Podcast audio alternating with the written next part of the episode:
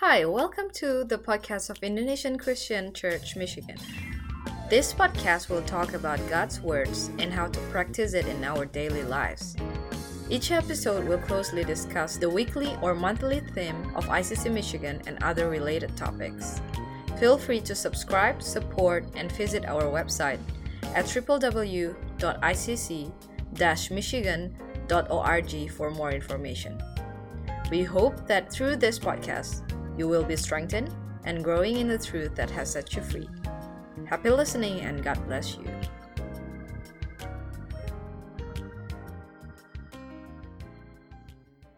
Saudara-saudara, mari kita akan melanjutkan pelajaran kita yang kita sudah pelajari selama dua minggu berturut-turut mengenai pembentukan karakter, godly karakter.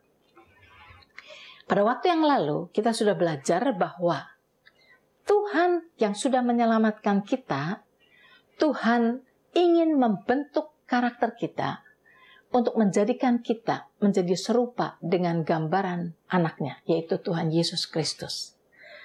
Kita bisa melihat di dalam Matius, Markus, Lukas, Yohanes, bagaimana kehidupan Yesus pada waktu Yesus ada di dalam dunia ini. Dia bertumbuh, dia mengasihi, dia menolong setiap orang, dia penuh dengan hikmat, dan kehidupan Yesus tidak ada celahnya sama sekali. Dan Tuhan ingin agar supaya kita menjadi serupa dengan gambaran anaknya. Saya kasih beri lagi ayatnya Roma 8 ayat 29 yang Tuhan katakan. Sebab semua yang dipilihnya dari semula, yaitu kita semua, mereka juga ditentukannya dari semula untuk menjadi serupa dengan gambaran anaknya. Itu yang Tuhan ingin terjadi pada diri kita. Jadi kita bukan hanya sekedar selamat menunggu masuk surga, tetapi Tuhan ingin supaya kita dibentuk menjadi serupa dengan gambaran Yesus mempunyai karakter Yesus. Bagaimana caranya? Minggu yang lalu kita sudah baca dari Roma pasal yang ke-12 ayat yang kedua. Katakan, janganlah kamu menjadi serupa dengan dunia ini. Pertama-tama kita harus meninggalkan cara dunia. Kita harus menyetop diri kita yang mengikuti arus dunia ini. Jangan jangan mengikuti cara-cara dunia. Tetapi kata Tuhan, berubahlah oleh pembaharuan budimu. Jadi kita mau ditransform cara kita berpikir oleh firman Tuhan. Dan kita sudah lihat minggu yang lalu bahwa transformasi itu sama dengan the process of metamorphosis, yaitu perubahan dari ulat menjadi kupu-kupu. Berubah bentuk, berubah cara hidup, berubah uh, sifat dan sebagainya. Nah, itu hanya bisa terjadi dengan cara transformasi. Kita diberi firman Tuhan terus-menerus dan firman Tuhan yang masuk ke dalam pikiran kita yang kita mengerti itu jangan hanya sekedar kita mengerti saja, tetapi kita harus renungkan dan renungkan dan renungkan sampai masuk ke dalam hati kita. Dan setelah masuk ke dalam hati kita, baru terjadi transformasi, baru akan tercetus di dalam perbuatan kita, di dalam cara kita berbicara dan sebagainya. Akan kelihatan sama dengan pelajaran kita yang lalu bahwa jagalah hatimu dengan segala kewaspadaan karena dari situlah terpancar kehidupan. Nah, firman Tuhan yang kita terima, kita mengerti, kita renungkan, kita kunyah, kita digest sampai masuk ke dalam hati itu akan keluar di dalam tingkah laku kita, di dalam perkataan kita, di dalam cara hidup kita. Nah, itu yang Tuhan mau, saudara, supaya kita menjadi pelaku akan firman Tuhan, bukan hanya pendengar saja, tetapi mempraktekkan firman Tuhan itu di dalam kehidupan sehari-hari, sehingga kehidupan Yesus makin hari makin nyata jadi Tuhan di dalam hidup kita makin nyata. Karena saudara, semakin kehidupan Yesus nyata di dalam diri kita, semakin kita memancarkan sinar terang Tuhan kepada dunia sekeliling kita. Jadi being somebody yang Tuhan inginkan akan men, akan mencetuskan doing apa yang Tuhan ingin kita lakukan. Kita harus menjadi orang yang Tuhan inginkan dahulu sebelum kita dapat melakukan apa yang Tuhan inginkan kita lakukan. Nah, saudara dari sini kita sudah uh, sudah belajar minggu yang lalu. Nah, sekarang kita melihat bahwa untuk kita berubah itu kita membutuhkan kasih karunia Tuhan. Jadi Tuhan tidak pernah menyuruh kita untuk melakukan sesuatu yang kita tidak mampu melakukannya. Kalau Tuhan menyuruh kita melakukan sesuatu yang kita tidak pernah akan mampu melakukannya, Tuhan itu tidak adil. Sedangkan Tuhan itu adil. Sebab itu kalau Tuhan menyuruh kita untuk menjadi serupa dengan Yesus, Tuhan juga memberikan kepada kita pertolongannya. Pertolongan ilahi yang disebut grace, yang disebut kasih karunia. Diberikannya kepada kita, disediakannya bagi kita. Kita tinggal mengambil mengambil grace itu ya dengan iman. Tuhan berkata di dalam Ibrani pasal 4 ayat 16. Sebab itu marilah kata Tuhan dengan penuh keberanian menghampiri tahta kasih karunia supaya kita menerima rahmat dan menemukan kasih karunia untuk mendapat pertolongan pada waktunya. Jadi, minggu yang lalu kita sudah sama-sama melihat bahwa kita datang ke gereja, saudara, bukan untuk mendapat cek-cek kita ini tidak absen dari kebaktian, bukan. Tetapi untuk pertama-tama jelas untuk datang ke hadirat Tuhan, menyembah Dia, berkumpul bersama-sama memuliakan Tuhan, mendengarkan firman. Tetapi kemudian saudara, kita disuruh oleh Tuhan untuk bertemu dengan saudara-saudara kita. Nah, pada saat kita bertemu dengan saudara-saudara kita itulah terjadi pembentukan terjadi proses pembentukan. Itulah sebabnya saudara, kalau gereja itu hanya sekedar kita berkumpul, mendengarkan firman, memuji Tuhan, mendengarkan firman, begitu selesai kita pulang, saudara, maka tidak ada proses pembentukan. Nah, di dalam gereja uh, kita di Toronto ini, Tuhan sudah memberikan sejak permulaan dari gereja bahwa setelah selesai kebaktian itu ada saatnya di mana kita just minum kopi, makan sedikit kue-kue, tetapi di situ terjadi kita berkumpul bersama-sama, bertemu satu dengan yang lain. Dan di situ kita bisa ngobrol, kita mengenal satu dengan yang lain. Dan di situlah saudara sebetulnya proses pembentukan itu. Bisa juga di cell group, bisa juga pada waktu setelah selesai kebaktian kita bertemu dengan orang yang berbeda-beda sifatnya yang ada yang tidak sesuai dengan sifat kita, ada yang bertentangan dengan sifat kita dan sebagainya. Nah, pada saat itulah terjadi pembentukan karakter buat kita. Jikalau kita adalah orang yang sombong, yang merasa bahwa diri kita paling betul, orang itu salah, orang itu salah, orang itu salah. Nah, di situ kita tahu karakter kita masih sangat-sangat perlu dibentuk kita akan nanti belajar mengalahkan kesombongan, mengalahkan uh, mengalahkan ke amarah dan sebagainya, mengarahkan kepahitan, mengalahkan kepahitan dan sebagainya. Kita akan belajar satu persatu. Tetapi secara general, kalau kita sekarang tidak cocok dengan A, tidak cocok dengan B, tidak cocok dengan C, itu karena jangan menyalahkan orang lain. Karena kita masih perlu dibentuk. Karakter kita perlu dibentuk. Ada sesuatu dari kita yang tidak benar yang kita perlu datang ke tata kasih karunia Tuhan dan berkata, Tuhan, mengapa ya? Saya kok begini? Saya tidak suka sama si A, saya tidak suka sama si B, saya tidak suka sama si C. Saya cuma suka sama orang yang setuju dengan saya. Nah, dari something wrong dengan karakter kita. Nah, Tuhan berkata, datang, hampiri tata kasih karunia Tuhan. Hampiri the throne of grace di mana kita bisa meminta pertolongan kepada Tuhan untuk membukakan perspektif Tuhan kepada membukakan mata kita untuk bisa melihat dari perspektif Tuhan. What's wrong dengan kita? Mengapa kita tidak suka sama itu, tidak suka sama itu, tidak suka sama itu? Mengapa? Sebab sedangkan Tuhan, sifat Tuhan adalah mengasihi semuanya. Walaupun orang yang berbeda seperti apa sifatnya, Tuhan kasihi mereka. Tuhan mengerti mengapa mereka demikian. Kenapa kita tidak suka? Berarti kita masih jauh daripada sifat Kristus. Dan kita perlu pertolongan Kristus untuk membukakan mata kita. Yang salah dari kita ini apa? Supaya kita bisa diperbaharui. Cara kita melihat dan sebagainya bisa diperbaharui. Ini yang Tuhan katakan. Sebab itu marilah dengan penuh keberanian menghampiri tahta kasih karunia. supaya kita menerima rahmat dan menemukan kasih karunia untuk mendapat pertolongan kita pada waktunya. Ada orang yang mungkin tahu pada saat dia tidak suka sama itu karena orang itu menjengkelkan.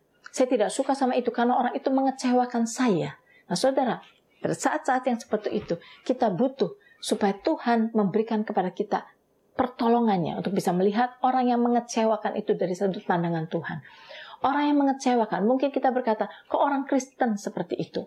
Seharusnya dia tidak seperti itu. Seharusnya dia tidak uh, tidak mempunyai karakter yang sejelek itu. Oke, okay, fine. Dia dia uh, salah, karakternya jelek. Tetapi Tuhan bisa mengasihi dia.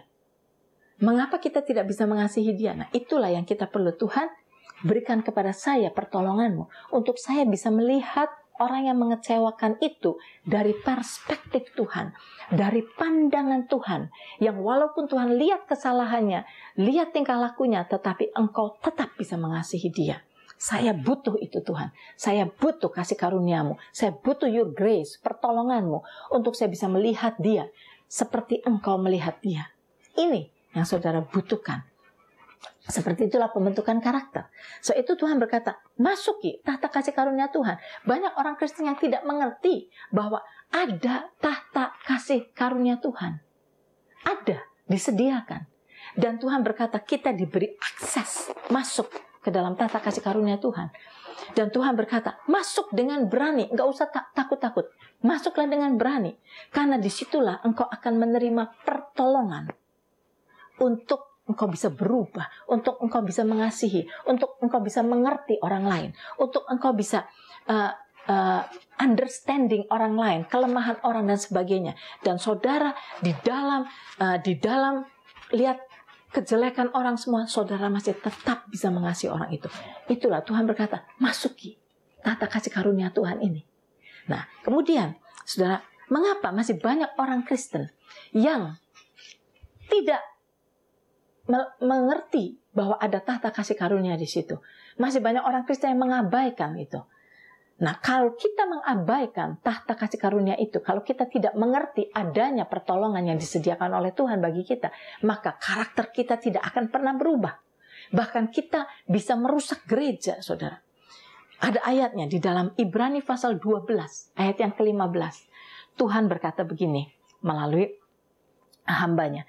Jagalah katanya, supaya jangan ada seorang pun menjauhkan diri dari kasih karunia Allah. Agar jangan tumbuh akar yang pahit, yang menimbulkan kerusuhan, dan yang mencemarkan banyak orang. Nah, saudara, mari kita lihat di sini. Sekali lagi dikatakan, jagalah supaya jangan ada seorang pun menjauhkan diri dari kasih karunia Allah. Jadi dengan kata lain Tuhan berkata begini, kasih karunia atau grace atau pertolongan ilahi itu sudah disediakan. Ada tempatnya yaitu di throne of grace, di tahta kasih karunia.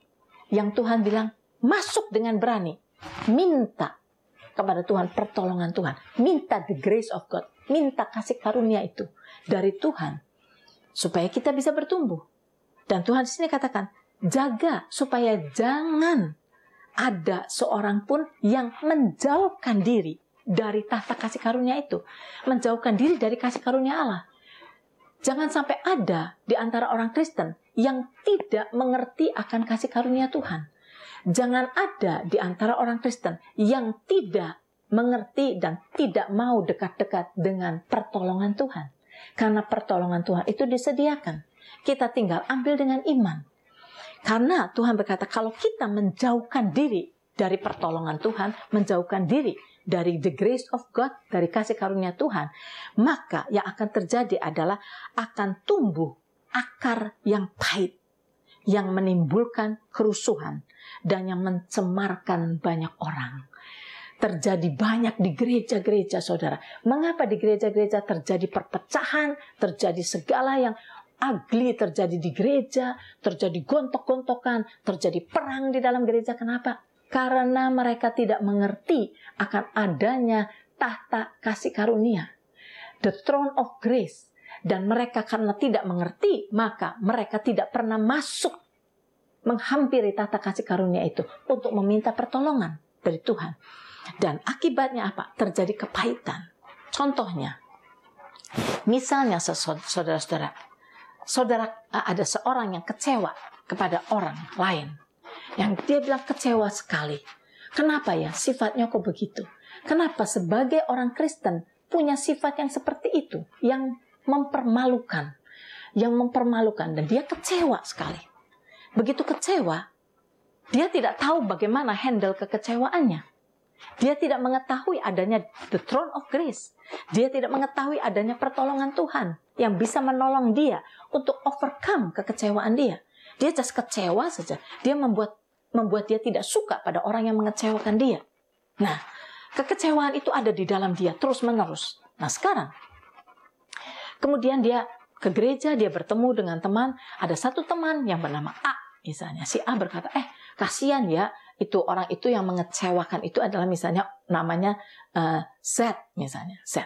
Orang ini berkata kepada orang yang kecewa ini berkata bahwa lihat tahu nggak si Z itu sedang kehilangan kerjaan? Kasihan ya. Nah, karena orang ini kecewa terhadap si Z itu, si Z itu punya tingkah laku yang mengecewakan, yang tidak menyenangkan, maka pada waktu si A berkata kepada dia bahwa kasihan ya si Z lagi kehilangan kerjaan, maka orang ini berkata, ya saya nggak heran kenapa dia kehilangan kerjaan. Habis tingkah lakunya aja begitu. Dia menyebalkan. Dia orang yang tidak tahu aturan. Dia begini, begini. Orangnya malas. Orangnya begini. Maka si A ini yang mendengar, oh ya, dia begitu. Iya, dia itu malas, dia itu begini, dia itu begini. Nah, maka si A ini terbawa oleh orang yang kecewa ini. Dan mengatakan, oh gitu ya, oh saya nggak tahu tuh. No wonder dia kehilangan pekerjaan. Nah, si A sudah terbawa oleh orang yang kecewa ini. Kemudian ada lagi si B datang. Si B bilang, oh ya, uh, kamu dengar si A kehilangan kerjaan. Terus si A ini eh, si Z kehilangan kerjaan si A ini berkata si B iya dia berkata bahwa oh dia memangnya begitu makanya dia kehilangan kerjaan nggak ada heran nggak heran terus terbawa lagi nah ini mempengaruhi saudara. Dari akar pahit dia pahit karena kecewa terhadap si Z ini. Dia kecewa terhadap si Z kecewa terhadap tingkah lakunya si Z akhirnya dia mempengaruhi si A mempengaruhi si B semua menjadi benci kepada si Z. Karena dia, ini yang dimaksud bahwa jagalah supaya jangan ada seorang pun menjauhkan diri dari kasih karunia Allah agar jangan tumbuh akar yang pahit. Akar pahit sudah tumbuh pada diri orang yang kecewa ini terhadap si Z. Sudah ada akar pahit karena dia tidak pernah selesaikan kekecewaan dia. Dia tidak pernah meminta pertolongan dari Tuhan bagaimana untuk dia bisa memandang si Z ini dari pandangan Tuhan. Yang Tuhan juga melihat kejelekan si Z, tetapi Tuhan mengasihi dia. Tuhan tidak kecewa terhadap dia. Tuhan selalu memberikan second chance kepada setiap orang, seperti apa pun juga sifatnya. Saudara tahu bagaimana Petrus sudah mengecewakan Tuhan, sudah menyangkali Tuhan tiga kali. Tetapi Tuhan masih tetap memberikan second chance. Tuhan masih tetap berkata, Petrus, apakah engkau mengasihi aku? Tuhan masih tetap memberikan makanan kepada Petrus, menyediakan makanan breakfast kepada Petrus. Saudara lihat, itulah Tuhan terhadap orang yang mengecewakan. Tuhan tetap mengasihi. Dan saudara, orang ini yang kecewa kepada Seth, dia tidak bisa handle kekecewaannya karena dia tidak pernah meminta pertolongan dari Tuhan untuk bisa bisa overcome kekecewaannya. Sebab itu, karena dia menjauhkan diri dari tahta kasih karunia itu, maka akibatnya dia akar pahit ini menimbulkan kerusuhan dan mencemarkan banyak orang. Saudara tidak heran kalau di dalam gereja-gereja orang yang satu kecewa kepada pendetanya, dia akan berbicara kepada orang lain ini pendeta nggak bisa apa-apa nggak nggak becus anything dan orang ini terpengaruh iya memang pendeta ini begini ini pengaruhi orang lain orang ini pengaruhi orang lain orang lain. akhirnya terjadi pemberontakan terjadi satu grup orang yang memberontak dan mereka tidak pernah even lihat bahwa seorang pendeta tidak akan bisa ada di situ kalau bukan Tuhan yang menetapkannya Jadi kalau mereka mau memberontak seperti itu, mereka sedang memberontak kepada Tuhan yang menaruh seorang pimpinan di dalam gereja ini. Nah, tetapi kita melihat banyak terjadi di dalam gereja-gereja pemberontakan. Ada grup ini melawan grup ini sehingga gereja menjadi so ugly, so ugly, saudara. Karena apa? Karena karakter mereka tidak terbentuk. Karakter mereka masih tetap seperti itu. Nah, Tuhan berkata, "Jagalah supaya jangan ada seorang pun menjauhkan diri dari kasih karunia Allah. Saudara, kasih karunia Allah adalah pertolongan ilahi yang bisa kalau saudara mau minta datang dengan iman kepada Tuhan, maka saudara berkata, Tuhan, saya ini sedang kecewa Tuhan. Tolong saya, so, Tuhan. Tolong berikan pertolongan kepada saya supaya saya bisa overcome kekecewaan ini. Supaya saya bisa menolong, supaya saya bisa melihat setiap orang dari pandangan engkau. Tuhan saya ini sedang marah kepada orang itu. Saya marah sampai saya pahit kepada orang itu Tuhan. Tolong saya Tuhan. Saya sekarang datang ke tata kasih karuniamu. Engkau yang berkata, datang ke dalam kasih kar tata kasih karunia. Saya datang dengan iman. Saya butuh pertolongan Tuhan. Supaya saya bisa overcome kepahitan saya, kemarahan saya supaya saya bisa mengampuni orang itu Tuhan. Berikan kepada saya pertolonganmu, berikan kepada saya kekuatan ilahi untuk bisa mengampuni orang itu. Saudara, Tuhan menyediakan, selalu menyediakan segalanya. Dan kita mesti belajar untuk bisa melihat janji-janji Tuhan yang Tuhan sudah sediakan bagi kita. Nah sekarang saudara-saudara, mari kita move the next. Bahwa Kasih karunia itu atau the grace of God disediakan buat kita semua untuk menolong kita bisa overcome kesalahan kita, bisa menolong kita supaya kita bisa menjadi makin baik, makin baik. Tetapi kita juga mengetahui bahwa the grace of God itu juga mengampuni segala kesalahan kita. Nah, jadi Tuhan uh, the grace of God itu boleh dibilang mengampuni dosa kita past, present, and future. Nah, di sinilah letaknya banyak orang yang menyalahgunakan kasih karunia Tuhan. Ada orang yang meresponi kasih karunia Tuhan dengan yang salah, ada orang yang meresponi kasih karunia Tuhan dengan benar. Orang yang merasa bahwa the grace of God itu mengampuni dosa kita past, present, and future, dan orang itu selfish, membuat orang itu bisa meresponi kasih karunia Tuhan dengan respon yang salah. Dia bisa berkata, oh kalau kayak gitu kalau dosa saya sudah diampuni, maka saya hidup dosa terus juga nggak apa-apa. Dia berpikir begitu, ya. Itu adalah respon yang salah. Karena yes, biarpun saudara dosa terus Tuhan ampuni, sudah ampuni. Tetapi the, the problem is kalau kita mau hidup di dalam dosa, saudara-saudara, kita sudah membuka celah buat iblis masuk untuk menyerang kita dengan segala macam serangan. Itu problemnya. Tetapi saudara-saudara, jadi banyak orang yang menyalahgunakan the grace of God untuk dirinya sendiri. Kalau dia merasa dia diampuni dosanya, maka dia bisa berdosa terus-terusan. Katakan di dalam uh, Yudas 1 ayat yang keempat dikatakan, sebab ternyata ada orang tertentu yang telah masuk menyeludup di tengah-tengah kamu, yaitu orang-orang yang telah lama ditentukan untuk dihukum mereka adalah orang-orang fasik yang menyalahgunakan kasih karunia. Yudas 1 ayat 4. Allah kita yang menyalahgunakan kasih karunia Allah kita untuk melampiaskan hawa nafsu mereka dan yang menyangkal satu-satunya penguasa dan Tuhan kita, Yesus Kristus. Jadi ada orang yang menyalahgunakan kasih karunia.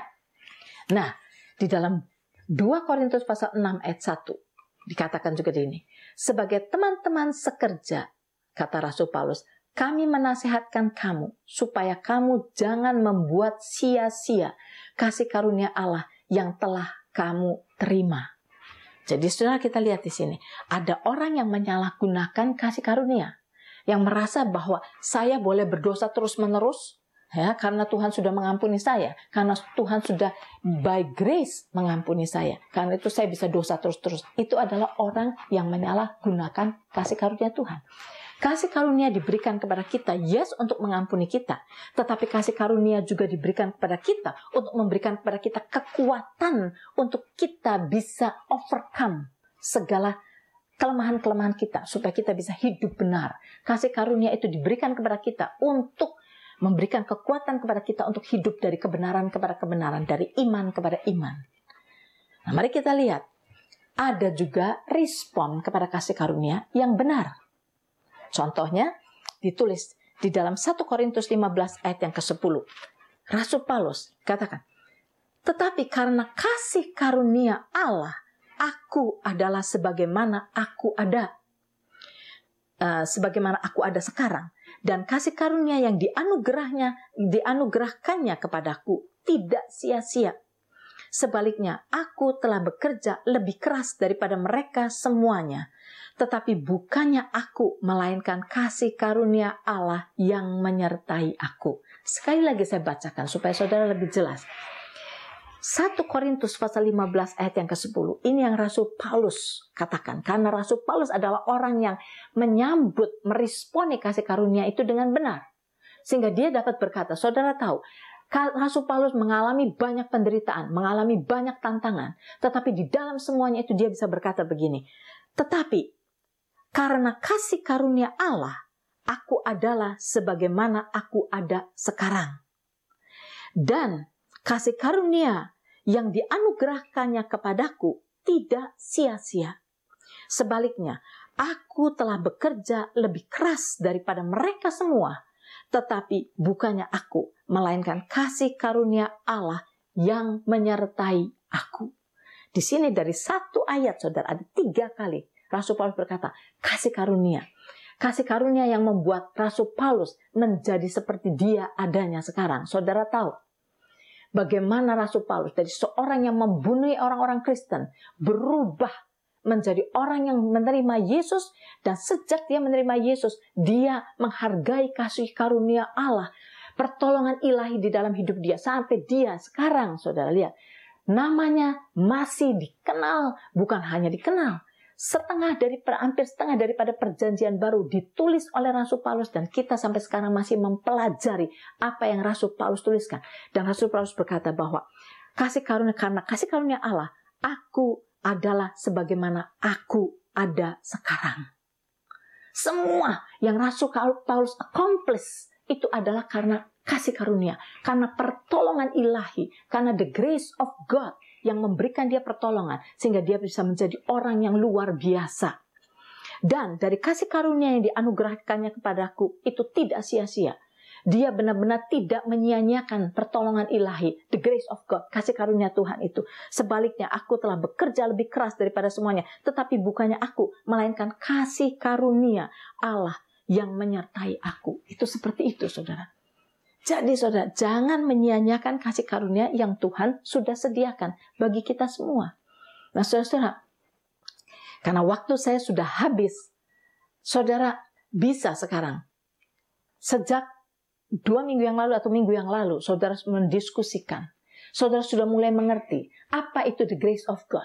Apa itu kasih karunia? Apa itu yang disebut pertolongan ilahi? Apakah selama ini saudara sudah hidup menggunakan kasih karunia itu? Apakah saudara sudah mengimani dengan iman masuk ke dalam tata kasih karunia? Dan meminta pertolongan Tuhan di dalam segala perkara, bukan cuma soal karakter saja. Kalau saudara menghadapi uh, kesulitan di dalam pekerjaan, saudara-saudara, tahta kasih karunia Tuhan terbuka buat saudara. Saudara tinggal berkata, Tuhan, tolong saya. Saya tidak mampu Tuhan. Tanpa engkau saya tidak mampu. Saya butuh pertolonganmu maka Tuhan akan memberikan pertolongan. Pada saat saudara menghadapi jalan buntu di dalam kehidupan saudara, saudara datang ke tata kasih karunia Tuhan. Tuhan akan memberikan pertolongan pada saudara. Jadi, kasih karunia, pertolongan Tuhan disediakan buat kita. The grace of God disediakan buat kita. Untuk supaya kita bisa overcome segala persoalan kita. Sehingga kita bisa menjadi conqueror, pemenang di dalam hidup ini. Sehingga kita bisa menjadi kepala dan bukan menjadi ekor kita menjadi pemenang, bukan menjadi orang yang dikalahkan terus-menerus, menjadi orang yang maju dari iman ke iman, dari uh, glory to glory, dari kemenangan kepada kemenangan yang selanjutnya. Saudara bisa diskusikan selama ini, apakah saudara menjadi pemenang atau menjadi orang yang kalah terus-menerus. Apakah saudara sudah menyadari akan tahta kasih karunia Tuhan atau saudara masih mengabaikan tata kasih karunia Tuhan. Biarlah saudara bisa berdiskusi semua itu dan saudara bisa mengalami satu pertumbuhan di dalam pelajaran yang sedang kita pelajari bersama-sama. Sampai bertemu di lain saat.